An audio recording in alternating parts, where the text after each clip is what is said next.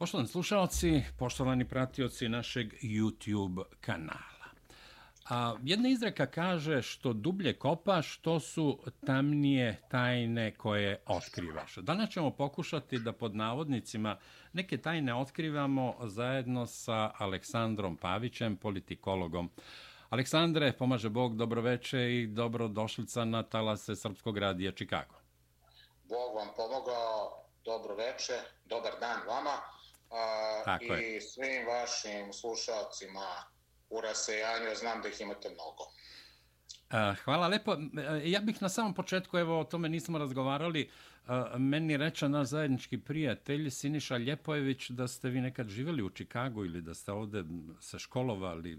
Kažete nam par detalja i da podsjetimo one koji vas poznaju, da ih podsjetimo ovaj, ko je u stvari Aleksandar Pavić. Kad kažemo politikolog, to znači mnogo, a za one koji vas ne poznaju ne znači ništa.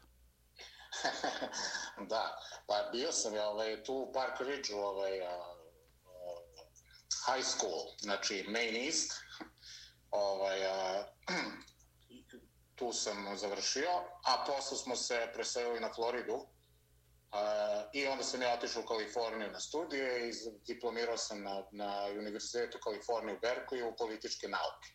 Da, e, dobro. Evo, to je, to je naš prijatelj, dragi Aleksandar Pavić. Ono što je meni drago, vaše ime je ime mog uh, brata u Beogradu, koji se također zove Aleksandar, pa s tim u vezi.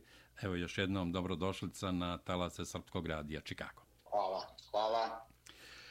Aleksandre ili gospodine Paviću, kako god Srbija, Kosovo i Metohija. Francusko-nemački predlog ili pod navodnicima evropski predlog ili pod navodnicima Macron-Scholz predlog za rešavanje kosovsko-metohijskog pitanja Zasedanje Skupštine Srbije, na kome je predsjednik Srbije Aleksandar Vučić izjavio da neće potpisati nezavisnost takozvanog Kosova i da se protivi ulasku takozvano Kosova u Ujedinjene nacije. Naravno, on nema ni ingerencije da potpisuje ako dođe do bilo kakvog, ne daj Bože, potpisivanja.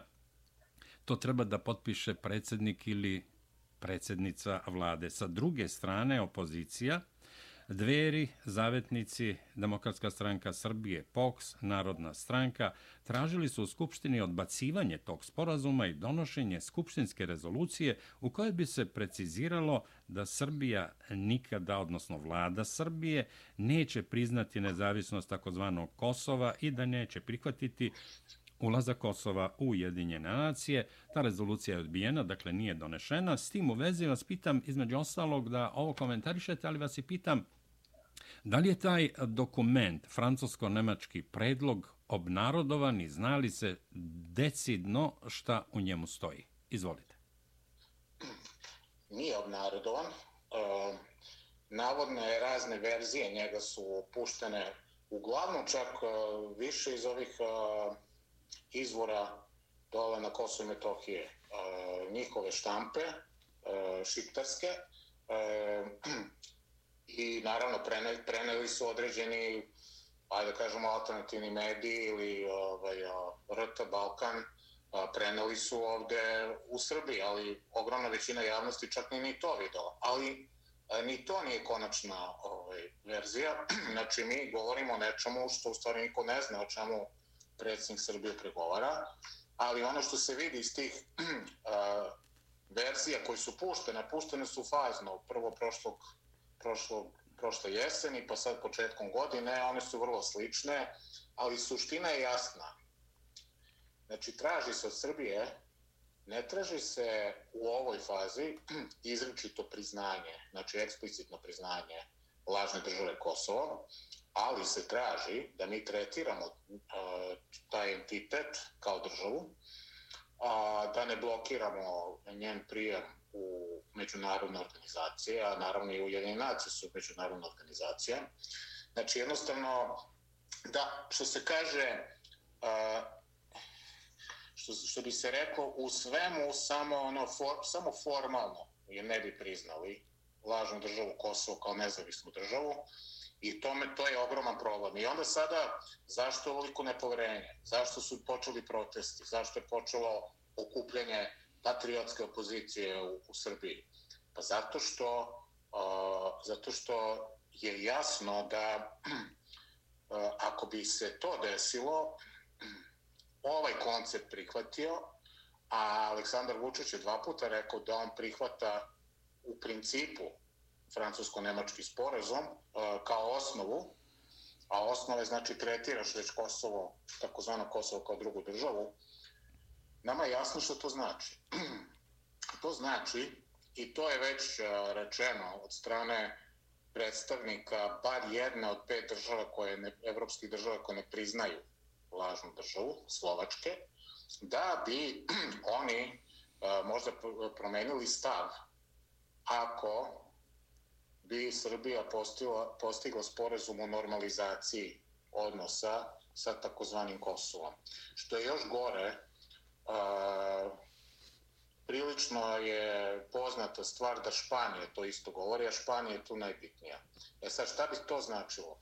To bi značilo da bi onda, ako bi Španija, pa recimo Slovačka, ili priznala lažnu državu Kosovo, ili joj dale zeleno svetlo za NATO integracije, to bi povuklo i ostale države koje još nisu, prosto još dve NATO države koje nisu priznale, to, je, to su Grčka i Rumunija, i onda bi imali situaciju gdje bi takozvano Kosovo, možda Srbije ne bi ga ni priznala, možda čak ne bi ni bilo član Ujedinih nacija, na kraju to nije to ni koliko važno, uh, ali bi praktično omogućili da naša pokrajina uđe u NATO. I to bi, to bi onda bilo kao priznanje. I, i zato, zato je sada u Srbiji se destabilizovala politička situacija. A, predsjednik Srbije insistira na svom pravu da razgovara o dokumentu koji nis, nije videla srpska javnost, a koji je suštinske važnosti za srpsku javnost i za srpsku državu. A s obzirom na to kako su do sada pregovarali i naprednjaci i socijalisti od 2012. kad su došli na vlast. Oni su, isključivo su davali samo ustupke na Kosovo i Metohiji. Oni su ti koji su ukinuli sve institucije države Srbije na Kosovo i Metohiji. A, oni su ukinuli civilnu zaštitu na Kosovo i Metohiji, znači oni su praktično omogućili ovo što imamo danas, da E, te specijalne njihove jedinice, e, ti razbojnici u uniformama, teroristi, da slobodno šparte po severu Kosova i Metohije, koji je većinsko srpski, da tamo prave vojne baze, e, policijske baze, da otimaju srpsko zemljište, da hapse ljude, da ih maltretiraju. Toga pre dolaska na prednjačko socijalističke koalicije nije bilo. I onda kada Vučić pregovara o dokumentu koji je tajan i e, on ne može da umiri onaj deo javnosti koji je dobro zna da su svi, svo njegovo pregovaranje do sad bilo apsolutno katastrofalno na Kosovo i Metohiji i naravno onda da imamo ovo što imamo. I a, sada je najavljen a, novi sastanak pod okriljem Evropske unije, organizuje ga Borelj, Josip Borelj koji je komesar za spojnu politiku Evropske unije 27. februara. Kurti Vučić. A, Kurti je napred rekao da neće da razgovara o zajednici srpskih opština, a, a Vučić je do sada govorio da on neće, da Srbija nema o čemu da priča dok se ne formira zajednica srpskih opština. Međutim, a, on će ipak da ode da razgovara, a Borelj je rekao da će na dnevnom redu biti i francusko-nemački sporazum i da on očekuje od obe strane da to prihvate. A, znači, to će da bude jedna jako opasna situacija, jer ako Vučić to bude prihvatio u, u, u, u Briselu, čak i ako javnost ne bude znala tačne, tačan sadržaj toga, mislim da će samo da pojača ovde nezadovoljstvo, da će da izazove nove proteste, nove tribine, nova okupljanja. Znači, jednostavno ulazimo u veoma opasan, opasnu ovaj, ovde o, zonu, pogotovo što paralelno sa time su ogromni zapadni pritisci da Srbija uvede sankcije protiv Rusije.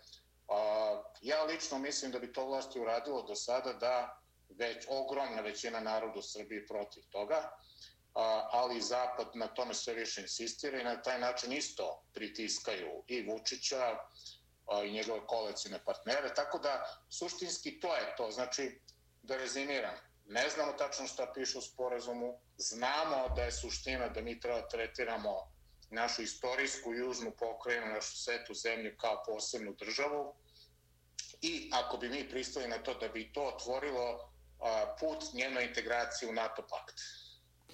Da, gospodine Paviću, svaki pregovarački okvir koji nije u okvirima rezolucije 1244 i Ustava Srbije, uključujući i Scholz-Makronov ili ovaj evropski predlog, je suprotan legitimnim vekovnim interesima Srbije kao stare evropske države i njene budućnosti, izjavio bivši diplomata Živadin Jovanović. Jel se slažete s tim? 100% se slažem sa tim, inače i Živadin Jovanović i Vladislav Jovanović, oni su doajeni naše diplomatije, svaka njima čast, oni su toliko dosledni u odbrani interesa srpskih, iako ih sada niko i ne konsultuje iz vlasti, nije o čemu, a oni imaju više iskustva nego cela naša jadna diplomatija zajedno, a oni su dosledni u tome da Kosovo i Metohija je sastavni deo Srbije, da tako mora da ostane i da mi ne možemo da pravimo ustupke na uštrb naših vekovnih istorijskih interesa i da ne smemo da ih podelimo nekim trenutnim pritiscima, jer smo bili izloženi mnogo gorim pritiscima u prošlosti, pa nismo poklodni. Da, kad pominjete srpsku diplomatiju, ja sam bio na postdiplomskim studijama na Fakultetu političkih nauka u Beogradu na odseku Međunarodni odnosi i diplomatija, pa plediram da sam nešto malo naučio, ali zaista kad čovek vidi pod navodnicima neke naše diplomate, može samo da se uhvati za glavu, da ne kažem nešto ružnije. Dakle, a, srpska diplomatija i odnosno uz časne izuzetke naravno i rešenja u diplomatiji su kataklizmično loša. Apsolutno.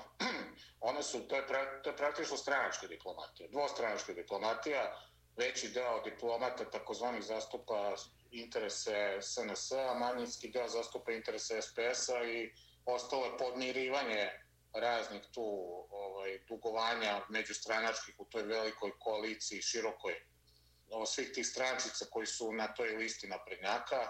Tu nema nikakvog kriterijuma, to je kao da se bira negativna selekcija. Šta, ja ne znam, Marka Đurića za ambasador u Americi mislim preporučio to što on bio najbolji tapšač a, što je isto što ono njegovo čuvano 5-0 kad smo potpisali Brisel 2 na ko, ovaj 2015. godine on je toliko tapšao ovaj da je bukvalno mislim da to bio razmak ruku od preko jednog metra. Znači to je fascinantan primjer tapšanja i tako se dobije izgleda diplomatska funkcija. On je rekao da mi vodimo 5-0 na Kosovu tad. Pa evo kako vodimo 5-0 Znači, bukvalno nam je i sever Kosova okupiran. Pre njihovog dolaska na vlast, sever Kosova i Metohije bio jedna tvrđava. Znači, a, tamo su pokušali da promole nos ti takozvani njihovi specijalci i stvarno su dobili po nosu, jedan je stradao pokono. Nije im padalo na pamet e, da to urade osim u zaštitu kvora, pa i tad je mi uspelo. Moglo da se slobodno ulazi na sever Kosova i Metohije, nije moglo se zamisli da patrijarhu bude zabranjen ulaz. E, vize, taman posla, ja sam ulazio sa Rusima na Kosovo i Metohije pre njihovog dolaska na vlast, oni su e, sad su za Ruse uvedene vize. Znači, eto, to je učinak, to je 5-0. E, znači, to je na osnovu toga da budete ambasador u Vašingtonu, a da ne govorimo o našem ambasadoru jednim nacijom koji jedva, koji jedva, ovaj, e, jedva engleski govori uh, blam, ja mislim, ba, većina naše dijaspore bolje govori engleski od njega, a, a naravno niko ne želi da uvuče nekoga ko je kompetentan, jer e, onda bi neko možda pomislio da ono što zastupa nije u skladu sa nacionalnim interesima Srbije, ali ja kad vidim čoveka koji, koji sa tako katastrofnim engleskim koji nas zastupa prema jednim nacijama, ne znam što bi uradio. To je nešto što Hm, zašto će se politički odgovara kata, to mogu da kažem, sigurno. Da, Aleksandre, kad eh, pominjete ambasadore, evo ja bih da pomenem još jednog ambasadora, našeg ambasadora, dakle američkog ambasadora u Beogradu, Kristofera Hila, koji je poznat srpskom narodu po ne baš, da budem blag, ne baš pozitivnom odnosu prema Srbiji i srpskom narodu, posebno prema Kosovo i Metohiji koji je rekao da Srbija mora do kraja godine da prihvati predlog eh, Francuske i Nemačke, odnosno Emmanuel Macron i Olaf Scholz, za rešenje pitanja Kosova i Metohije. Šta to govori? Pa prvo i prvo, mm, ja sam to rekao ovdje na televiziji dok sam još mogao da se pojavljam, sad se pomalo i ovdje zatvora medijski prostor. Još kad je preložen Hill za ambasadora, moj stav je javno izrečen da mu ne treba dati agrema. S obzirom na njegovo učestvovanje u udruženom zločinačkom poduhvatu protiv Srbije koji je dovelo do agresije NATO na našu zemlju 99. godine. To je samo to već i njega diskvalifikovao da ovde bude ambasador. Naravno, dobio je Greman. On se ovde ponaša bukvalno kao kolonijalni upravnik. Niko od naših političara ne zna da pisne. On nama govori šta mi treba da radimo i šta da mislimo. A, bukvalno daje uputstvo preko medija kako mi treba da zaboravimo na istok. Da zaboravimo na istok i da je Zapad naša jedina budućnost. A ko je on da to govori? Ko je on? Znači, uh, on nama sugeriše uh, da ovaj drugi Escobar, bukvalno rekao, ovaj, umjesto Kosovo i Srbija, treba govoriti Kosovo i Srbija. znači, sad će da nas uče kako mi treba da razmišljamo o Kosovu. Uh, kosovski boj se dogodio mnogo pre nego što su za Ameriku i znali evropljani. Uh, tako da, hoću da kažem, ovako to servilno, ta servilnost političara u Srbiji prema zapadnim diplomatama na prvom mestu američkim je za mene neporažavajuće, ja to shvatam kao ličnu uvredu. Oni vređaju naše, naši političari vređaju naše dostojanstvo što prihvataju. Uh, recimo, uh, prošlog septembra uh, u oči uh, bilo je ovde zakazano, trebalo da se desi jedna grozota, takozvani Euro Pride, znači gde su pederi iz cele Evrope trebalo da dođu da se sjatu u Srbiju, 23.000 njih, a, i da marširaju kroz centar Beograda, naravno kao što to rade svuda gde mogu, da ostanu ovde nedelju dana i naravno krenulo je uh, veliki protestni, bili bile su tri velike litije i na drugoj je na poslednjoj govorio Patriarh, na drugoj govorio Vladika Nikanor, Banatski, ispred hrama Svetog Save. I na kraju je e, predsednik Srbije rekao, pa dobro, neće biti. Međutim, ovdje s njim razgovarao Hill. I što je na kraju bilo? Bilo je otprilike, nije bilo, ali bilo. E, ono što smo uspeli, naravno, na ulici, protestima, pisanjem, javnim istupanjem je da umjesto da ih dođe par desetina hiljada, ih je došlo manje od, pa nekoliko stotina ih je došlo.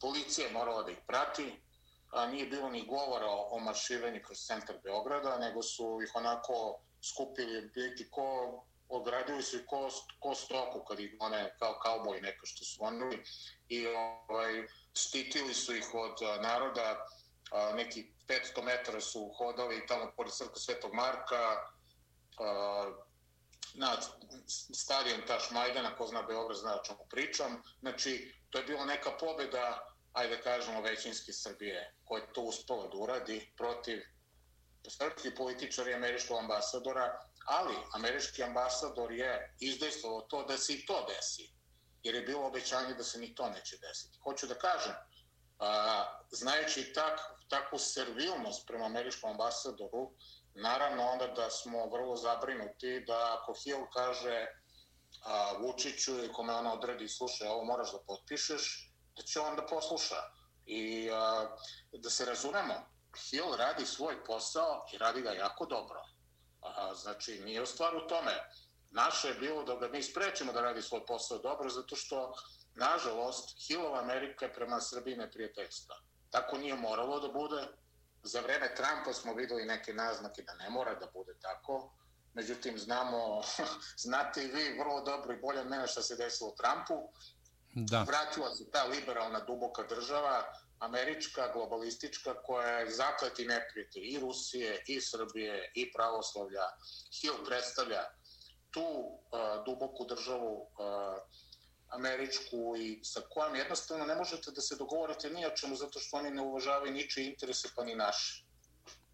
Da, gospodine Paviću, pomenuli ste proteste. Evo ja samo da dodam da je i um, objavljeni Svetosavski apel za spas Kosova i Metohije, koji su potpisali ugledne ličnosti, profesori, uključivši akademika Matiju Bečkovića, našeg čuvenog reditelja Emira Kusturicu, profesora doktora Miloša Kovića i drugih, i protesti ispred predsjedništva Srbije. Hapšenja zbog izjave ko potpiše njega ubiše, koja je navodno pretnja i ugrožavanje života predsjednika Srbije Aleksandra Vučića. Vi ste bili na tom protestu. Uhapšan je i novinar Dejan Zlatanović, koji je nažalost i invalid. Pa molim vas za, za komentar, dakle, bili ste na tom protestu, dajte nam malo više detalja, je li tu neko pretio predsjedniku Srbije Aleksandru Vučiću da će da izvrši atentat ili da će ga ubiti, o čemu se radi? Pazite ovako, ja ću govorim o Dejanu Zlatanoviću. A, ja sam posle napisao tekst gde sam, koji je objavljen na Novi Srpskoj političkoj misli gde, ovaj, a, koji traži njegovo oslobađanje.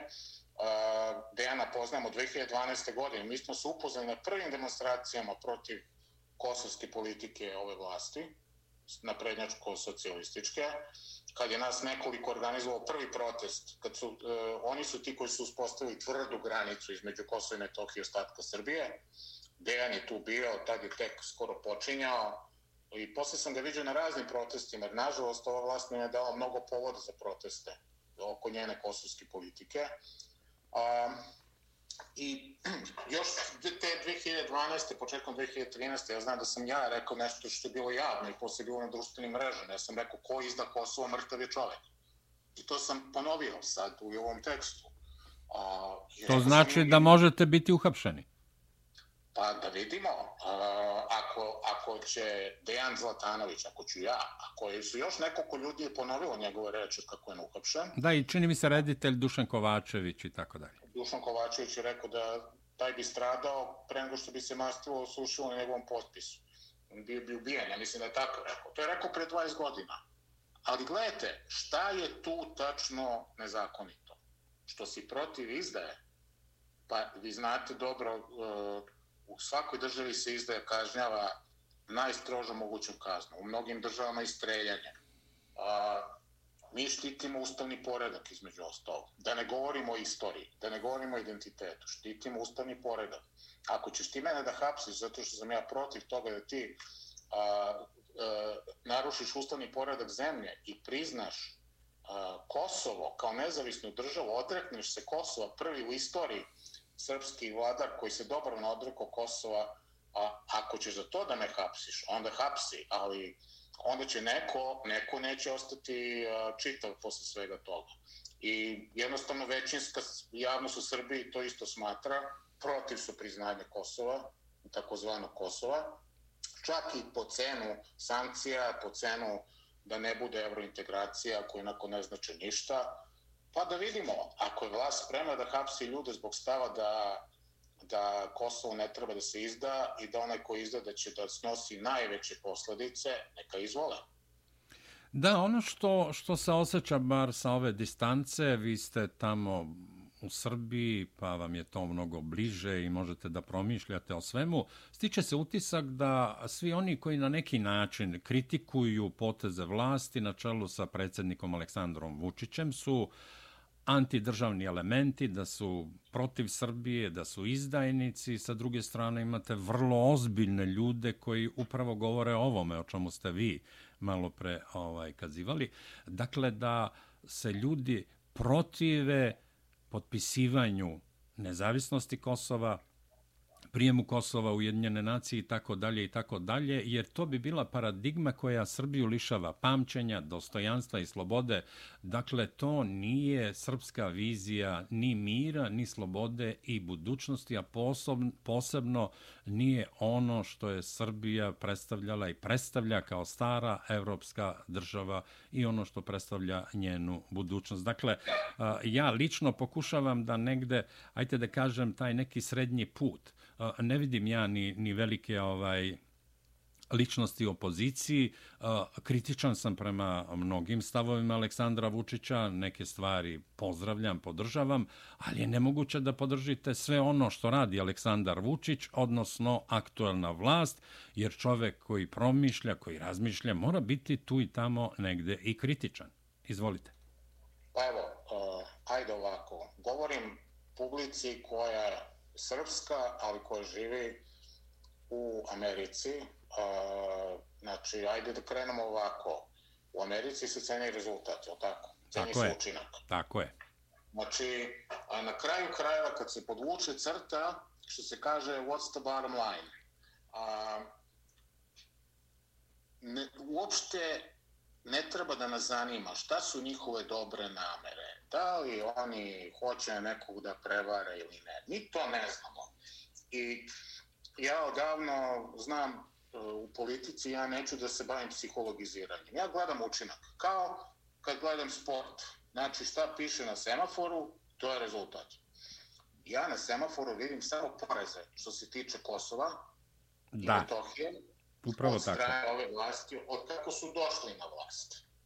Uh, I to je za mene e, to je za mene sasvim dovoljno da ti više nemaš moje poverenje a pogotovo kad nešto mutiš, moram tako da se izrazim, u mraku, da to niko ne vidi. Po čemu si to zaslužio moje poverenje? Po čemu? Ni po čemu. Uh, uopšte me ne zanima to što, e, da li se ti pozivaš na Miloša Obrenovića, na neku mudru politiku. Znate šta? A, znate kad sam ja, ja sam još 2012. godine došao do zaključaka da ni Vučić ni Dačić nemaju dobre namere prema Kosovo i Metohiji. A kako sam došao do tog zaključka? nije samo to reč o tome što su oni oni ti koji su potpisali e, prethodna vlast je parafirala e, dogovorili, ali ovi su potpisali počeli da sprovode taj sporazum o integrisanom upravljanju granicom zbog kojeg mi imamo danas tvrdu granicu između Kosova i Metohije i ostatka Srbije. Ja sam tada upoznao sve demokratski, eh, najvažnije demokratski izabrane a, a, lidere a, Srba sa severa Kosova i Metohije i još neke, južno od Ibra, oni su svi izabrani kao odbornici u skupštinama opština ili kao predsjednici opština po zakonima Srbije. A, ja sam svih, sve njih koje sam upoznao pitao a, da li je ova nova vlast a, vas pozvala da vam objasni šta oni rade, šta nameravaju. Da li su vas pozvali da vam objasne da možda su oni primorani da daju neke ustupke, ali da vas neće ostaviti na cedilu, da možda igraju neku dvostruku igru, a, da treba igrati ono što se kaže good cup, bad cup, znači ovo, da. dobar policajac, loš policajac. Da li su vama uopšte predočili, da li su pokušali da vas umire? Ne, apsolutno ne. Ja sam tad rekao sebi, a ovi, ovi ne, ne žele ništa dobro. Jer tako se radi? Znači, ako vi hoćete da zadržite ljude na okupu, ako morate da pravite ono što se kaže, vuči što mnogo voli da kaže, bolne ustupke, pa onda, onda minimum što morate da uradite da obavestite ljude koji će da trpe te bolne ustupke na svojoj koži, da kažete o čemu se radi, da neće biti zapostavljeni, da neće osnovni nacionalni interesi biti a, prenebregnuti, međutim ništa od toga nije bilo. I, znači, 2012. 2023. isto. Znači, tad su netransparentni bili i sad su netransparentni bili. I onda se oni čude zašto ljudi misle da su oni napravili neki dogovor sa Zapadom da bi uopšte bili da bi uopšte bilo dozvoljeno da naprave vlast 2012. godine. Pa kako možeš da dođeš do nekog drugog zaključka? Razuverite nas.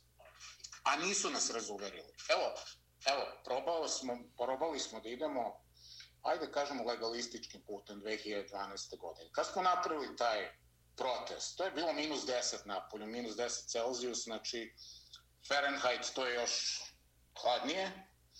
A, a, tri sata smo bili na polju, počeli smo ispred Patrijaršije, mi smo predali zahtev, e, to jest, ajde kažemo zahtev, to nije bio zahtev, to je bio molba za razgovor, za e, predsjedniku države, predsjedniku vlade, predsjedniku Ustavnog suda. E, hteli smo da znamo o čemu se radi, zašto Srbija to potpisuje ugovor o granici između Kosova i Metohije i ostatka Srbije. Nisu nas udostojili ni odgovor. Znači, probali smo i institucionalno.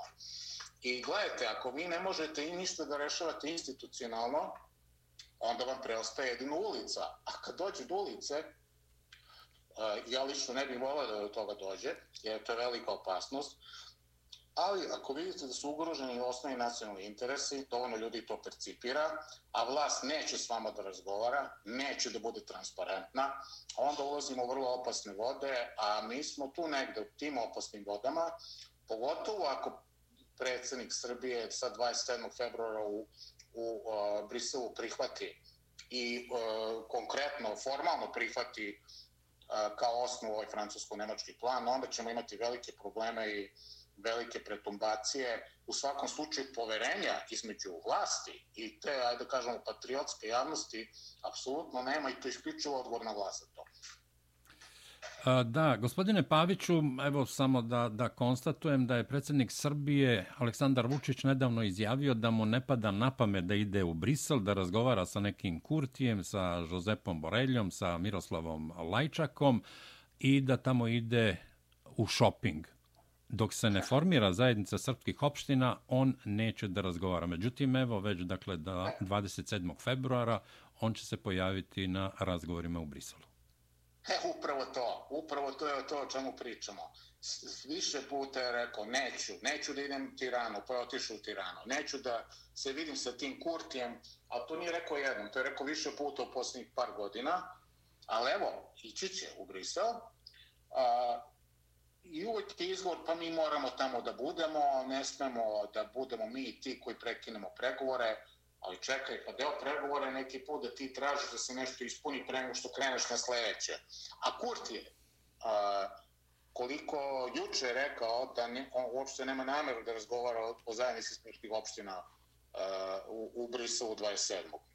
Znači da je a, predsjednik Srbije dosledan svojim rečima, ne bi ni otišao u Brisovu ali zato svi strepimo, on će ipak doda u Brisel. I opet će znači, da pogazi to svoje decidno ne, po ko zna koji put. I evo, to je još, jedna, to je još jedan razlog zašto ne možeš da imaš poverenje u njihovu politiku. Jer između ostalog, jasno se vidi da je ovde uveden jedna vrsta ličnog režima, da se sve ide preko Aleksandra Vučića i on bi da najvažnije srpsko nacionalno pitanje rešava sam. I to je ono što i jako loše. Kažem vam, ako on to prihvati e, formalno i ako se to bude znalo, bit će veliki problem u Srbiji zbog toga, ali on sam sebi pravi taj problem. E, Rusi su javno rekli da su spremni da puže svaku vrstu pomoći diplomatske uh, i svake druge Srbiji, ali da Srbija mora to da traži. Naravno, Srbija to uopšte ne traži u poslednje vreme, što je još jedan razlog za ogromnu zabrinutost, jer ti pregovaraš isključivo sa neprijateljima koji žele da ti otmu teritoriju, a isključuješ iz procesa prijatelje koji žele da ti pomogne da sačuvaš tu teritoriju. Da, a da li je moguće uključiti prijatelje kad je ovaj cela priča uh, i da kažem tako izbačena iz Saveta bezbednosti Ujedinjenih nacija i prebačena na Evropsku uniju i da li je zajednica srpskih opština mamac da Srbija poklekne kao država i da na kraju prizna takozvanu nezavisnost Kosova? Apsolutno, to je rekao Živadin Jovanović i pazite, ja sam na tom stanovištu od 2013. godine, od prvog brislavskog sporazuma koji, definis, koji je, koji je ovaj, načelno definisao zajednicu srpskih opština verujte, to je jedno veliko ništa. To je nula. A, a ovaj, Pristina ne, čak ni to ne može da prihvati, ali mogu Amerikanci možda da ih nateraju. Možda će da, da sklone Kurtija, a, pa će da ih nateraju nešto tako prihvata, ali verujte, to nije, to je jedno ništa. A, I sad, a, može lako da se desi da upravo ovo što je gospodin a, Jovanović rekao da to bude mamac da se Srbija odrekne a, sebe. A, I to jeste jako opasno i da bude to predstavljeno kao jedna velika pobeda. A u stvari to nije nikakva pobeda. A, pogotovo, pogotovo što su oni a, u Prištini, taj njihov takozvani ustavni sud je poništio skoro sve odredbe te, tog, tog briselskog sporazuma, a, tako da on je jednako obesmišljen i ono malo što je bilo je, je obesmišljeno. I sada zamka je upravo u tome da se proglasi evo, velika pobjeda oko prihvatanja zajednice srpskih opština. Kažem, ne znam da to Kurti, da li će to da bude, da li će moći da bude, ali možda neko drugi. I onda, eto, sad dobili smo to, nećemo da priznamo Kosovo i šta sad vi ima tu da, da se bunite. Znači, to je ta opasnost. I, a, znači, ne smemo da upadamo u tu zamku. Jer, pazite, a, i vi ste postavili pitanje a, da li su prijatelji isključeni, pošto je stvar izmeštena iz a, Saveta bezbednosti. Pa slušajte, jesu, jesu a, do nekog vremena, jer Evropska unija je trebalo da preozme pregovarački proces, ali ne da razgovara o statusnim pitanjima. A oni su sad ovo, ovo više nisu tehnička pitanja, ovo su statusna pitanja koje Tako je. Tako je. Znači, mi imamo pravo da više u tome ne učestvujemo i da kažemo vi ste prekoračili svoj mandat i tražimo, zahtjevamo da se vrati staro savjet bezbednosti. Tu ćemo imati podršku Rusije sigurno i najverovatnije Kine. E sad, neki će reći, pa dobro, šta opet zapadne države, tri zapadne države, tri stalne članice Savjeta bezbednosti to neće prihvate, pa neka ne prihvate. Onda ćemo imati zamrznut konflikt. A zamrznut konflikt u ovoj fazi nama najviše odgovara. A, ne odgovara da ovo rešavamo dok je jednopolarni svet ovaj nametnuti e, vodi glavnu reč bar u ovim našim krajevima, a, jer mi ne možemo da postavimo nikakav povoljan sporazum po nas. Znači, nama bi odgovarao zamrznut konflikt, a, ali, evo, mi šta radimo? Šta radi naša strana? To šta radi učešću naše ime? On nas gura u čeljusti neprijatelja, e, da razgovaram po njihovim uslovima. On otvoreno, praktično, on je dozvolio Amerikancima da budu deo uh, ovoga procesa, Amerika tu nema šta da traži formalno rečeno. To je isključivo treba bude stvar Evropske unije. Znači, Mi smo to govorili i ranije, još pre dve godine. Ako se Amerikanci uključu u briselski sporazum, onda mi imamo pravo da pozovemo Ruse. Znači, to je bi bilo sasvim normalno. Međutim, nažalost, ova vlast to ne radi. I onda, naravno, da, da se postavlja opet još jedno pitanje šta su njihovi pravi motivi. A njihovi pravi motivi mislim da su svima jasni. Oni žele da da li iz ubeđenja, ali iz interesa ili zato što su zbog toga i dovedeni, da Srbiju trajno priključe tom propadajućem zapadnom poredku, a to je za nas smrt, kao državu, kao narod. Jel, mi bi bili praktično postali deo e, integracije koje vode naši neprijatelji, koji žele da nas rasparčaju. Jer sljedeće je bila Republika Srpska A, sledeće bi bila Raška oblast posle toga ili pre toga. Vojvodina, deo Vojvodine sigurno. Znači, umjesto da se sad, sad se vodi bitka za novi svetski poredak između multipolarnog sveta i jednopolarnog sveta. Multipolarni svet se rađa, ovaj a, propada, multipolarni svet, tamo većina čovečanstva koja ne priznaje lažnu državu Kosovo, koja je podržava povelju jedinih nacija i ne mešanje u posle drugih zemalja, a mi hoćemo da vežemo našu sudbinu upravo za ove koji, koji su uništili svetski poredak i koji žele da nas rasparčaju. Pa kako onda, kako onda da, da, da ne budemo sumničali, kako onda da se ne organizuju protesti, kako onda da ne bude nezadovoljstva u Srbiji zbog takve politike. Da, Aleksandra, da zaključimo ovaj deo našeg razgovora konstatacijom, ako se slažete, dakle, ne nezavisnosti, takozvane države Kosovo, ne prijemu Kosova, takozvanog Kosova Ujedinjene nacije, ali da pregovorima, razgovorima i tako dalje. Pa, formalno da, pregovorima i razgovorima. Da, slažem se sa time što ste rekli, uh, ali ne ni faktičkom priznanju, znači ne ni tretiranju Kosova, takozvanog Kosova kao zasebne države bez formalnog priznanja. Jer to je ono što pokušava da nam se nametne, to je u stvari jako lukava a, konstrukcija. Takozvano puzaje, puzajuće priznanje. Tako je, ono da se vlat, vlasi ne dosete. Da. Oni su sad rekli, inače, oni su jedna stvar koji su otkrili, da ni to nije konačni sporazum o normalizaciji, to je osnovni sporazum. znači, ako je osnovni sporazum da vi već sada tretirate deo svoje teritorije kao zasebnu državu bez formalnog priznanja, pa krajni sporazum može da znači samo priznanje. Znači, i to moramo ne da dodamo isto. Ne, ni a, faktičkom priznanju a, bez formalnog priznanja takozvanog Kosova. Da, gospodine Paviću, Srbija je jedna od redkih zemalja, vi ste to i pomenuli malo pre, jedna od redkih zemalja koja nije uvela sankcije Rusiji bez obzira na ogromne pritiske takozvanog zapada.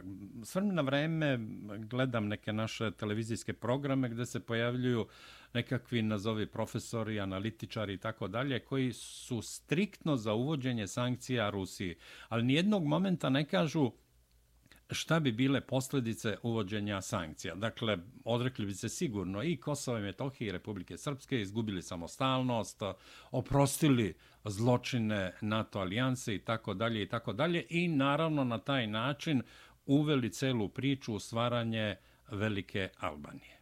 Izvolite. Da. Pa ja ću citirati Churchilla, što je rekao Chamberlainu posle potpisivanja Minhenskog sporazuma izabrali ste sramotu da biste izbegli rat, a sad ste ovaj, a, a, dobili ste sramotu, a, a ćete i rat. Znači, e, oni nas guraju to. Da prvo da izaberamo sramotu, da bi izbegli neki navodni a, rat, a na kraju ćemo imati jedno i drugo. A ti a, veliko albanski apetiti, pa oni se ne smiruju na Kosovo i Metohiji na prvom mjestu. Tako je. Kao što se onda, onda se ne bi smirili pa onda bi oživjeli i bugarski apetiti prema nama, prema istočnom, eh, istočnim delovima Srbije.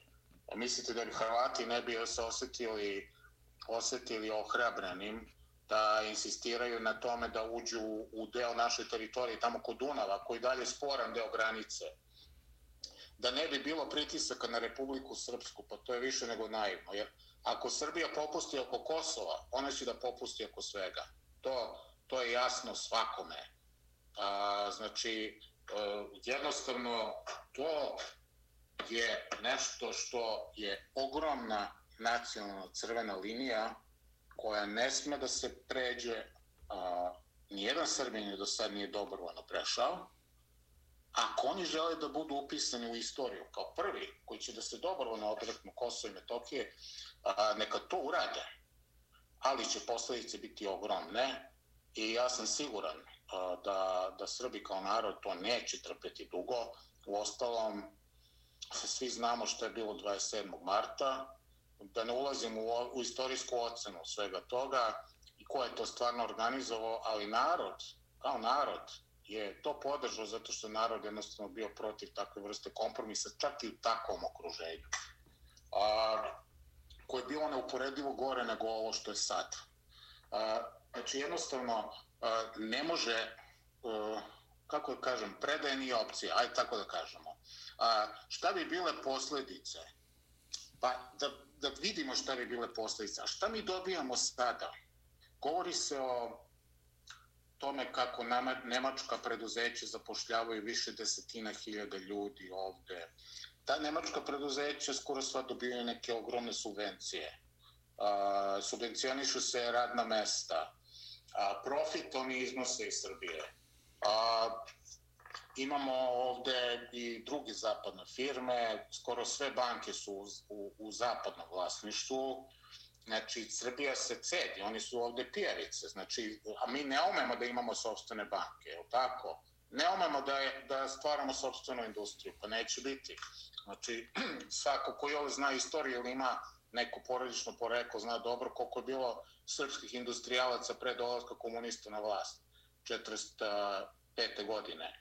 A, znači, e, mi, e, šta bi mi izgubili? Pa mi bi izgubili taj neokolonijalni ovaj poredak koji je ovde napravljen a, i ste, e, stvorili bi sebi šansu da u stvari se otvorimo prema ostatku sveta i da profit koji, pravi, koji se pravi u našoj zemlji mi zadržimo, da se mi reindustrializujemo, da nam se otvore najveća tržišta na svetu koje sad postoje. One su već formalno otvorena, jer jedna od dobrih stvari koja je vlast uradila jesu ti sporazumi o slobodnoj trgovini i sa Euroazijskom ekonomskom unijom i sa Kinom. A, sve nam je to otvoreno, a ja ću podsjetiti na stvarno malu Srbiju, 1906. godine koja je ušla u carinski rat sa Austro-Ugarskom, koja je pokušala na sličan način da nas pritisne, da e, jednostavno nam je ukinula izvoz a, svinjetine a, i svinja u, u, u Austro-Ugarsku i otprilike računali se će Srbija da propadne. Pa šta je tadašnja Srbija uradila? Pa našla je nova tržišta. I mi smo pobedili mnogo moćniju carevinu u tom carinskom ratu. Ja sam siguran da, ti, da mi to možemo da uradimo i sad. A sačuvali bi obraz, imali bi ogroman ulog i ugled u tom multipolarnom svetu, a to je od velike važnosti. A, jer mi na, u zapadnom svetu nikad ne možemo da imamo, u ovakvom zapadnom svetu nikad ne možemo da imamo taj ugled. Kogod nam to priča, priča nam bajke. Oni su se opredelili za neprijateljstvo prema nama. A, ali Srbija, koja kao neko ostrovo, poput zapadnog Berlina recimo, ali naravno još borbenije i uspravnije, a, da se odupre ovim pritiscima, pa znate šta, mislim, ja mislim da Srbi imaju genetsku predispoziciju da smatramo da imamo, pa i Hitler je čak rekao nama da su Srbi narod sa, a, koji ima, a, koji, koji smatra da ima misiju i da smo zato opasni. Ja znam da svaki Srbin zna da mi imamo misiju, pravi Srbin, koja na globalnom nivou, da mi nismo nikakav ni mali, ni nemoćen narod, nego naprotiv. I naša misija ne može da bude a, klekni pred a, prividno jačim, nego upravo ostani uspravan, bori se, što bi rekao Njegoš, neka bute što biti ne može. To je ono što je nas odredilo, da budemo ovakvi kako jesmo. Meni služi na ponos što smo mi je ostrvo u Evropi koji nije uvelo sankcije, okruž, u ovakvom okruženju i što se odupiramo toliko dugo ovim uh, stvarno velikim pritiscima i da se odreknemo sebe i svoje teritorije i da sad popustimo kada multipolarni svet postaje sve jači uh, pa to bi, bila, to bi bio istorijski poraz. Ja ne mislim da bi mi više ostali taj isti narod. Mi bi se pretvorili u Bugare, Hrvate znači jednostavno mi bi se pretvorili u, u, u nečije izvršitelje u nečije vazale mi više nikad ne bi bili ono što smo bili do sada. Da, gospodine Paviću, specijalna vojna operacija Rusije u Ukrajini. Predsjednik Sjedinjenih američkih država Joe Biden juče je pod navodnicima iznenada posetio Kijev i sastao se sa predsjednikom Vladimirom Zelenskim, a danas je u Varšavi u Poljskoj gdje je razgovarao sa poljskim predsjednikom Andrzejom Dudom. Treba samo konstatovati da ova pod navodnicima iznenadna posjeta nije bila toliko iznenadna jer je naš predsjednik Joe Biden govorimo nama Amerikancima ovde, ušao u Ukrajinu sa dozvolom Rusije. Bio je to dogovor između Bele kuće i Kremlja. On je danas izjavio da će braniti svaki inč teritorije NATO-a, a Rusija nikada neće pobediti. Pored toga, on je konstatovao ruska operacija u Ukrajini, iskušenje za Sjedinjene američke države, NATO, Evropu i svet. Na drugoj strani, predsjednik Rusije, Vladimir Putin, obratio se Federalnoj skupštini Rusije, između ostalog rekao, Rusija će odgovoriti na svaki izazov. Rusiju je nemoguće pobediti. Rusija obustavlja učešće u sporazumu o smanjenju strateškog ofanzivnog naoružanja Start 3. Pa molim vas za komentar. Izvolite. Da, pa gledajte ovako, znači, e, dobro, to je jasno, dobro ste to podvukli i ponovo, znači, Biden nije mogo da dođe, ne bi ni išao u Kijev bez zelenog svetla iz Moskve. Međutim, to ih nije sprečilo da, kad su se oni i Zelenski pojavili na ulicama Kijeva, da se odjedno mogla se sirene za vazdušnu opasnost. Mislim, čak i Reuters morao da konstatuje da tu nije bilo ničega, nikakvih napada, i to poslednjih pet dana. Znači, oni opet nisu mogli da odole da ne naprave neku predstavu, jer ovo je sve jedna predstava. Ovo je sve predstava. Kao što su predstave... Ali krvava predstava, oprostite. Ogromna krvava predstava, to je ono što je najgore od svega. Uh, I sad šta? Uh, Biden glumi entuzijazam on zna da on mora da drži da zbije redove NATO-a zato što je jasno svima u kom pravcu stvari idu, da je ceo zapad ne može da se poredi sada više, ne može da se takmiči sa rus, ruskim vojno-industrijskim potencijalom. Zapad se deindustrializovao tokom globalizacije u značajnom meri. A, oni ne mogu da vode kopnene rat, niti su za to koncipirani, ni američka vojska kao što jeste ruska. Ali, a, šta je najgore? Ta cela klika koja je preozala kontrolu na američkom spojenom politikom, najkasnije od 11. septembra, verovatno već negde drugoj polini 90. godina, neokonzervativci, neoliberali, oni, za njih, po, a, a, za njih poraz nije opcija, za njih kompromis nije opcija. Oni su otišli toliko daleko u toj retorici antiruskoj, u, u satanizaciji Rusa i Vladimira Putina, da oni sebi nisu, što se kaže, spalili su sve mostove iza sebe. I to je ono što je najopasnije od svega. Znači, a, i to su poruke koje je slao Biden i iz Kijeva i iz Varšave. NATO nikad jači, a evo, mislim, može čak i sada i ovoj, što se kaže, mainstream štampi da se, da se vidi e, strahovanja koliko će moći da šalju uopšte municije i drugog oružja u Ukrajini, jer kapaciteti su na izmaku, rezerve su na izmaku, a da ne ugroze sobstvenu bezbednost. I to ne samo evropske države, nego i sama, same Sjedinje američke države. Ali on govori, on pomenuo Putin ovo ime deset puta u svom govoru danas u Varšavi. Putin njega nijednom nije pomenuo imenom i prezimenom a, u svom govoru, što isto nešto govori, jer to je opet ovaj američki metod a, promene režima. A, vi personalizujete neku ličnost. A, Milošević je bio novi Hitler, pa je Saddam bio novi Hitler, pa je Gaddafi bio novi Hitler, pa je Assad bio novi Hitler, pa je Putin novi Hitler. A, tako oni to rade. A vi ako imate ambiciju da e, pravite promenu režima u najmoćnijoj nuklearnoj sili na svetu, vi se onda igrate sa vatrom. Da, Aleksandre, oprostite što vas prekidam kad pominjete Hitlera i, i sve ove ličnosti koji su navodno mm -hmm. Hitler, a s tim u vezi Ukrajini ne da se probudio a, nacizam i fašizam, nego je to užasavajuće koliko je na sceni u Ukrajini. Pa, pazite, uh, znači, a Zapad je toliko pragmatičan, ajde tako da se izrazim, ha, diplomatski. Da. Nije diplomatski, nego ultra pragmatičan. Oni ne biraju, hoću da kažem da oni ne biraju sredstva. Oni a, koriste ekstreme svuda tamo gde žele da preozmu kontrolu ili da vode politiku zavadi pa, pa vladaju. A, to su počeli kod nas kad su rasturali Jugoslaviju. Oni su oživjeli sve one bivše kvislinške elemente, proustaške, ove naslednike Hanđar divizije u Bosni i Hercegovini, naslednike balista na Kosovo i Metohiji u Albaniji. A, znači, oni su počeli da se s tim igraju još 90. godina.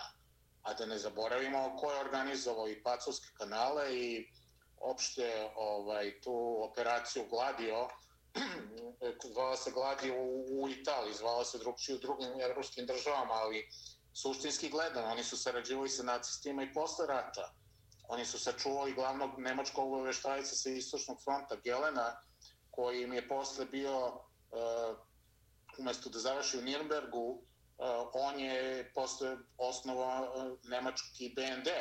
Znači, oni odavno sarađuju sa nacistima, sarađuju sa ukrajinskim nacistima, uh, kao što su napravili, stvo, oni su stvorili ISIS, oni su stvorili OVK, uh, oni radikalizuju Ugure u Keniji. E, oni su radikalizovali, oni su sarađivali sa radikalnim Čečenima u ona dva rata e, Čečenska koje su Rusi vodili e, krajem prošlog veka i početkom ovog veka. A, jednostavno, a u, u, u Ukrajini su ekstremi nacisti, to je potomci banderovaca i njima uopšte nije bitno to. E, I oni ne da nisu gadljivi na to. E, što, se, što je rekao ovaj FDR, e, Franklin Delano Roosevelt, što je nam rekao kad su ga pitali za zašto Amerika podržava diktator Somozu u Nikaragui, to slušalci su vjerojatno čuli ranije, he may be a son of a bitch, but he's our son of a bitch. Znači, ovaj, uh, o tome se radi. I onda njima ne da nije problem da koriste naciste, nego uh, oni im čak odgovaraju zato što su oni uh, beskompromisni, uh, mrze Ruse, seju teror među tim jadnim ukrajinskim stanovništvom, uh, oni su najizgodnija moguća alatka u njihovoj borbi protiv Rusije, pa makar i do posljednjeg Ukrajinca. Tako da, da, oni su vrlo svesno oživali neonacizam, to je nacizam u Ukrajini i koriste ga u svoje svrhe. Evo, skoro je Zelenski, kao navodno, on je jevrej neki, uh, on je bukvalno nadenuo jednoj jedinici ime E, koje je iz drugog svjetskog rata, Edelweiss, mislim da je, znači nacističko ime. Znači, Azovci su prošle godine bili delegacija Azovaca, bila u Americi. E, sastali su se i sa kongresmenima nekim u Vašingtonu. Postoje slike o tome, toga na internetu. Skupili su fondove po Americi i Kanadi. E, mi znamo da je vicepremijerka Kanade, ova, a, a, Christia Freeland, da je ona potomak, Eh, potomak jednog čuvenog banderovca, to je bio deda. Znači, jednostavno, Zapad je, Zapad nikad nije se odrekao naci, nacizma i nacističkih usluga, dok su, nažalost, Rusi mislili da je nacizam poražen. Pa sad, sad im je jasno, kao nikad ranije, da nije tako, a i nama, Srbima, bi trebalo da bude jasno i da se koristi protiv nas, kao što se koristi protiv Rusa. Da, gospodine Paviću, predsjednik Joe Biden je danas u Varšavi rekao da zapadne zemlje nisu planirale da napadnu Rusiju, ne nastoje da uspostave kontrolu nad njom ili da je unište sa druge strane. Evo, čuli smo šta je rekao ruski predsjednik Vladimir Putin, pa bi zamolio da možda malo, ako ste imali priliku da čujete njegovo obraćanje, da malo prokomentarišete ovaj, ono što je rekao ruski predsjednik Vladimir Putin. Pa da, e, mislim, Vladimir Putin je samo rezimirao ono, e, razloge zbog koje je Rusija započela specijalnu vojnu operaciju. Znači, Zapad, ne sile, NATO, preko NATO-a, osam godina su pravile e, ozbiljnu vojsku u Ukrajini, jer nisu napravili verovatno posle Turske drugu najmoćniju posle Turske Amerike, znači treću najmoćniju NATO vojsku Uh, nije ona formalno NATO, ali bi znači bila jača od svih vojski u NATO izuzev Turske i, i Američke. A to su radili osam godina. U isto vreme su fingirali pregovore, takozvane Minski, a, Minski proces, Minski sporazum 1 i 2, takozvani Normandijski proces. To je sve bilo samo kupovina vremena.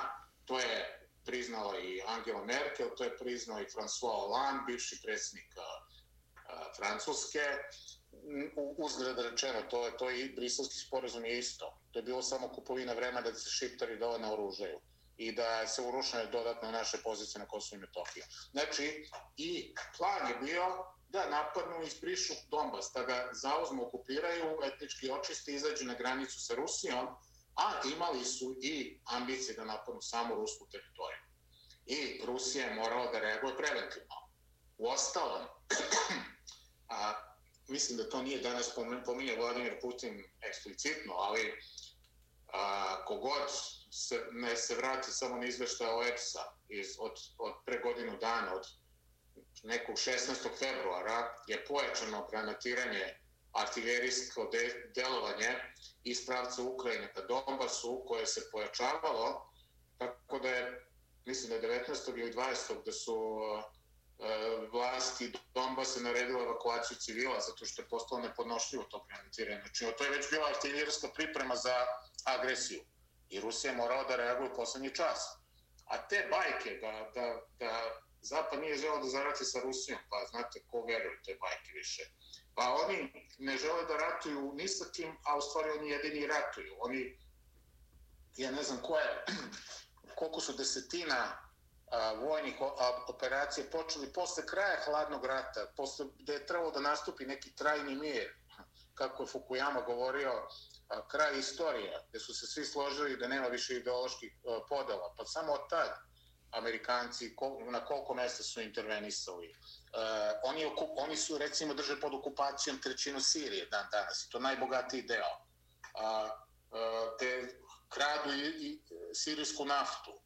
A, jednostavno, da Rusija nije delala preventivno. A, bukvalno bi Rusija kao država bila ugrožena i to je sada Rusima svima jasno i jednostavno Vladimir Putin je tu, tu stvar konstatovao, pa i Kina koja je više puta ona se stalno zalaže za poštovanje teritorijalnih integriteta svih država sveta, a, ali Kina zbog, zbog sebe na prvom mestu, zbog Tajvana, ali Kina isto tako je izrazila razumevanje za rusku akciju, kao što znamo, i bukvalno je više puta rekao da je NATO taj koji je glavni krivac za to što se desilo, jer Rusi su probali, kogod govori o ruskoj agresiji, do 2014. godine Rusi su bili spremni da a, Krim bude deo Ukrajine.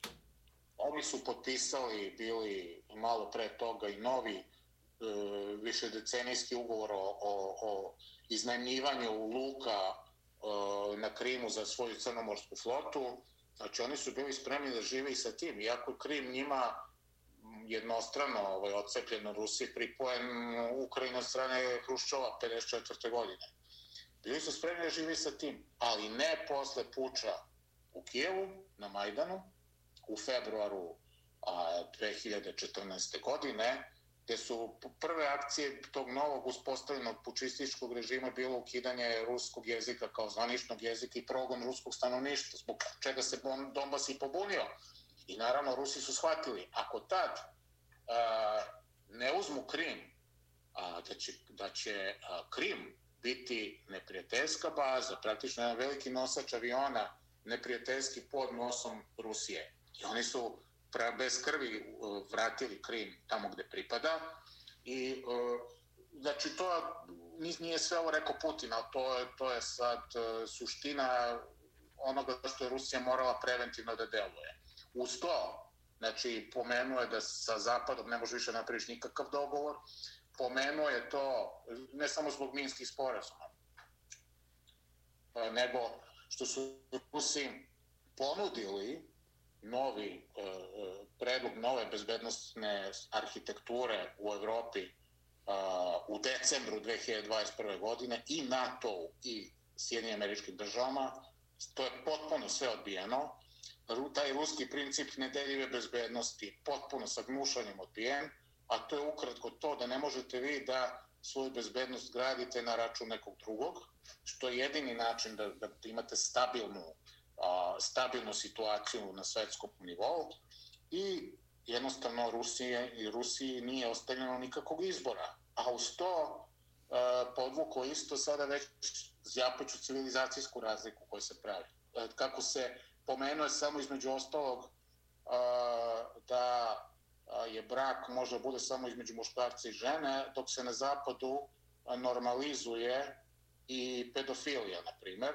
E, mnogo vam više o tome govori o nekim drugim e, govorima, ali to je isto suštinska razlika. Znači, zapad bukvalno, e, ajde da kažemo, bori se i protiv hrišćanstva. Znači, bukvalno je danas Putin pomenuo sve to pismo i da ono što zapad pokušava da nametne i svom stanovništvu i ostatku sveta je protivno svetom pismu, pa uzgled samo da pitam koji zapadni lider sad sme i da pomene u svom govoru sveto pismo, a da ne bude optužen za političku nekorektnost i za versku diskriminaciju. I to nam jasno pokazuje da ovo isto je jedna identitetska borba i civilizacijska borba, a i duhovna borba. Da, gospodine Paviću, Simon Hersh, istraživački novinar i dobitnik Pulicerove nagrade, saopštio je. Američki ronioci prošlog leta postavili su eksploziv na gasovod Severni tok koji su aktivirali Norvežani. Predsednik Joe Biden je dao odobrenje, eksplozije su trebala da se dese prema Heršu u junu, pa je to zbog straha odgođeno za september. Da li će to što Rusi nazivaju međunarodnim terorizmom imati posledice po Sjedinjene američke države i po predsjednika Joe Bidena, odnosno po establishment Sjedinjenih američkih država? Pa, očigledno sad odmah ne, ali u nekoj perspektivi hoće. Nemci vrlo dobro znaju što se desilo. i znaju da su njihovi takozvani saveznici da su ih sabotirali bukvalno, da su protiv njih izvršili teroristički napad. Pazite, znači, uh, u NATO se inače smatra da je napad na jednu državu članicu napad na sve. Ali mislim da NATO, NATO povelja nije predvidela to da jedna država e, članica napadne drugu, a to se upravo desilo. E sad tu se vidi koliko je podređen taj nemački establishment na prvo mesto Amerikancima, da oni ne smiju da pismo. Uh, oni, oni su čak isključeni iz, iz istrage. Znači, to je ponižavajuće za, za Nemačku, a oni su izabrali taj put. Ostatak sveta, koji nije zapadni, koji nisu zapadni vazali, vrlo dobro znaju što se desilo. Seymour Hersh je samo potvrdio ono što je svima bilo jasno. Jer kome bi to drugom išlo u interes? To pokušalo se da se preko nekih zapadnih mass medija lansira teza da su Rusi sami sebi digli u vazduh sobstveni gasovod koji su oni godinama gradili. A to su takve nebuloze, to je tako pocenjivanje inteligencije javnosti da, da nemam reči. Ali svakome je jasno što se kaže, e, još je Sherlock Holmes ustavio pravilo kad e, ne znate tačno e, ko je počinio zločin, gledajte ko od toga ima najviše koristi. Jasno ko od toga ima najviše koristi. Amerikanci, a i Norvežani, jer Norvežani su upravo vrlo, vrlo brzo posle toga počeli proradio njihov gasovod koji ide sa severa na jug i Norvežani su strašno od svega ovoga profitirali. Oni će sada postanu glavni dobavljač. On, već više od njih, ja mislim, sad već kupuje i Nemačka i Poljska nego što su kupovali, Nemačka, Poljska sigurno, ali Nemačka nego što su kupovali pre, pre od Rusije.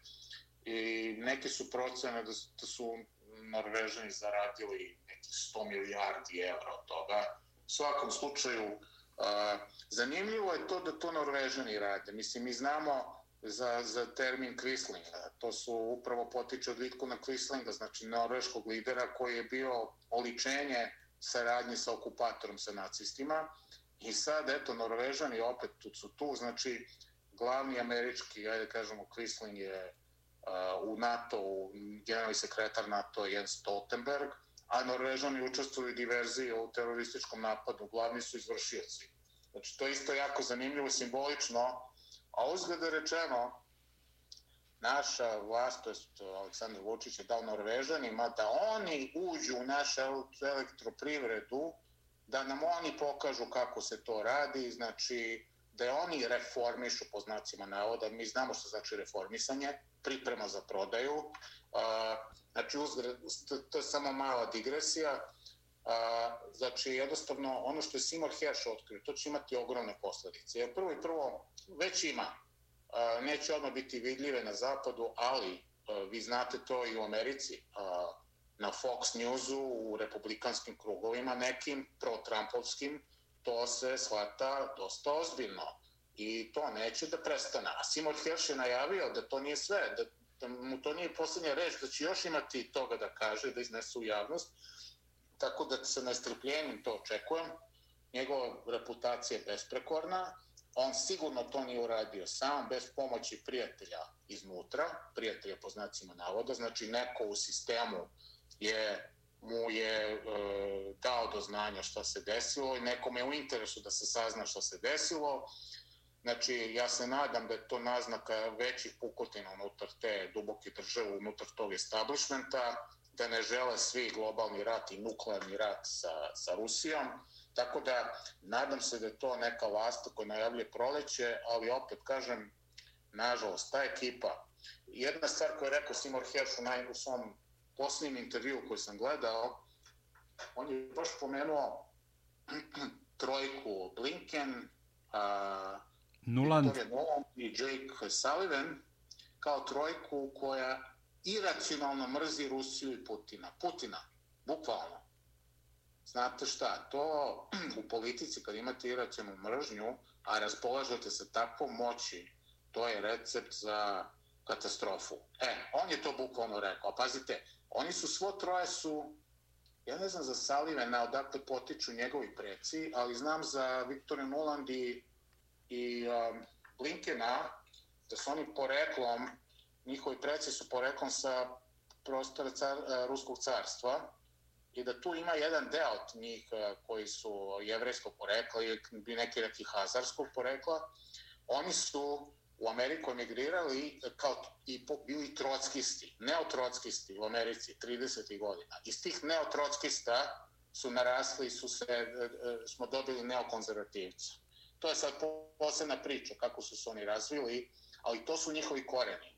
Znači, a, a, to Trotski je zagovarao svetsku revoluciju, revoluciju bez kraja, a, radi ono, globalne vladavine. Oni, neokonzervativna politika je upravo to. I kad oni kažu, kad jedan drugi jevrejn, on je litvanski, litvansko-poljski jevrejn poreklom, Timor Hirsch, ali čovjek očigledno koji pošteno radi svoj posao već decenijama, kad on kaže da troje ljudi koji vode američku spoljnu politiku iracionalno mrze Putina, to vam sve govori. To ova stvar je mnogo veća od samog politike, pa čak i geopolitike. Da, gospodine Paviću, pri samom kraju, ali ne manje važno.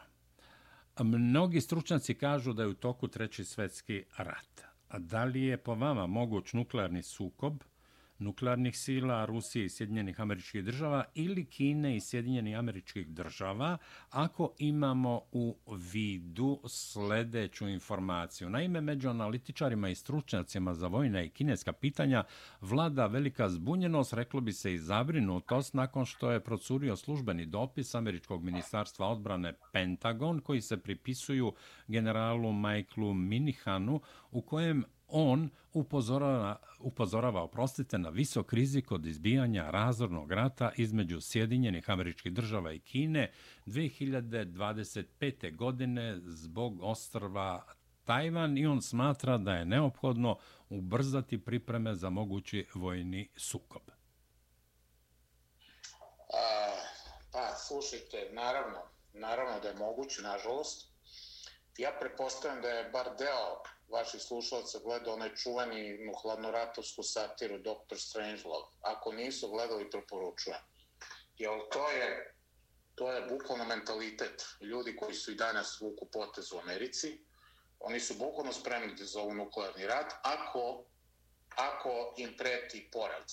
I verujte, to je jedan od razloga. Mnogi kritikuju Ruse a, dobronamerno u smislu zašto su toliko uzdržani, zašto idu toliko sporo ali moja teza od početka je da mislim da Putin i ljudi oko njega znaju dobro s kim imaju posla i da oni neće da im daju izgovor za eskalaciju pre vremena, koliko god je to moguće, zato što su oni spremni na eskalaciju. Um, I e, sve ove reči, e, sve ove ovo stavljanje u optica uopšte mogućnosti nuklearnog sukoba, evo ja ću citirati Scotta Rittera, sigurno je srpski publici poznat. Da. A, ja sam s njim isto dva puta razgovarao, iako nisam novinar, sam mislio da je važno i da srpska javnost u Srbiji čuje Rittera. A, on je bio nekad inspektor za nuklearno naoružanje. A, u vreme Sovjetskog saveza još, I on kaže da on smatra da svet nikad nije bio bliže nuklearnom sukobu, verovatno od kubanske krize 62. godine, zato što imamo iracionalne ljude na mestima na kojima se odlučuje, koji, koji uz to ne shvataju uh, ni šta je pravi rat, ni šta su pravi kapaciteti. Oni podcenjuju Rusiju dobrim delom iz mržnje, podcenjuju sve druge koji nisu Zapad, koji nisu Amerika, i sad su naravno obsednuti kinom. A i postoji ovaj, e, taj termin Tukididova zamka, koju je definisao poznati američki politikolog sa Harvarda Graham Ellison 2013. godine. On je govorio o tom fenomenu e, istorijskom, gde e, Tukidid je pisao o Peloponeskom ratu i da njegov razlog za izbijanje bilo što je Sparta pokušala da spreči pojavu jačanje novog hegemona potencijalnog konkurenta Atine i da su Amerikanci u istu zamku upali što se tiče Kine, on je još tad predviđao da će da dođe da će da dođe e, do rata najverovatnije između Amerike i Kine, zato što Amerika će sve da uradi da ne dozvoli nikome da zaozme njeno mesto.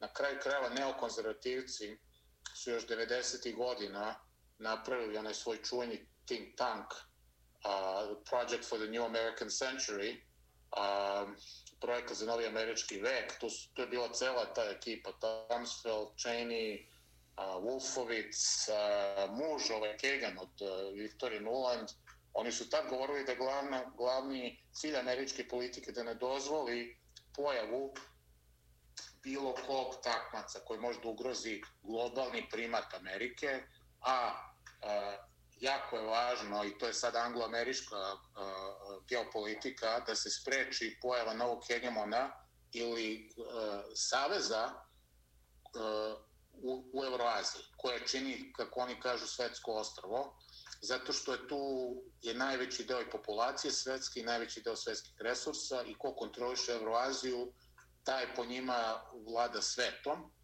I sad oni što su radili, oni su gurnuli po uh, svojom idiotskom i e, agresorskom politikom, su gurnuli a, Rusije i Kineze još čvrsti e, zagradaj nego što su jedni i drugi sigurno imali nameru da budu. I sad šta će? A, ako popuste, a, znači da, da su spremni da prepuste svoje mesto a, vodećeg globalnog hegemona, ne vidim nikakvu naznaku da su oni spremni na to, i onda dolazi u obzir čak i neka nuklearna opcija. Kako će se to ispoljiti? Rusi su prošle godine, to se ljudi sečaju, dizali alarme i buku oko moguće provokacije sa, sa prljavom nuklearnom bombom u Ukrajini. To nije velika nuklearna bomba, ali je opet nuklearna i dovoljno bi bilo to da započne neki lanac dešavanja koji bi mogao da izmakne kontroli pa cela stvar oko zašto Rusi nisu hteli da im se NATO približi.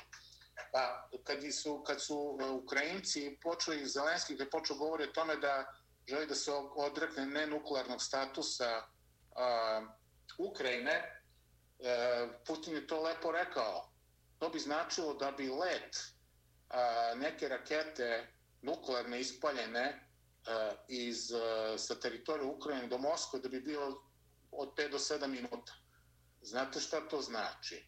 A jedna od specijalnosti mojih na, na, na studijima inače bilo ta cela strateška nuklearna ravnoteža izme, ovaj, na, na globalnom nivou, tako da poznata mi je to materija. To znači da vi nemate dovoljno vremena da, da razlučite da li je to možda lažni, lažna uzbuna, da li vam je e, možda radar e, otkazao funkcionisanje, da, da li je to možda vežba e, i znači nemate dovoljno vremena da, da kontaktirate drugu stranu, da ustanovite šta je to i onda vi morate da, da odgovorite.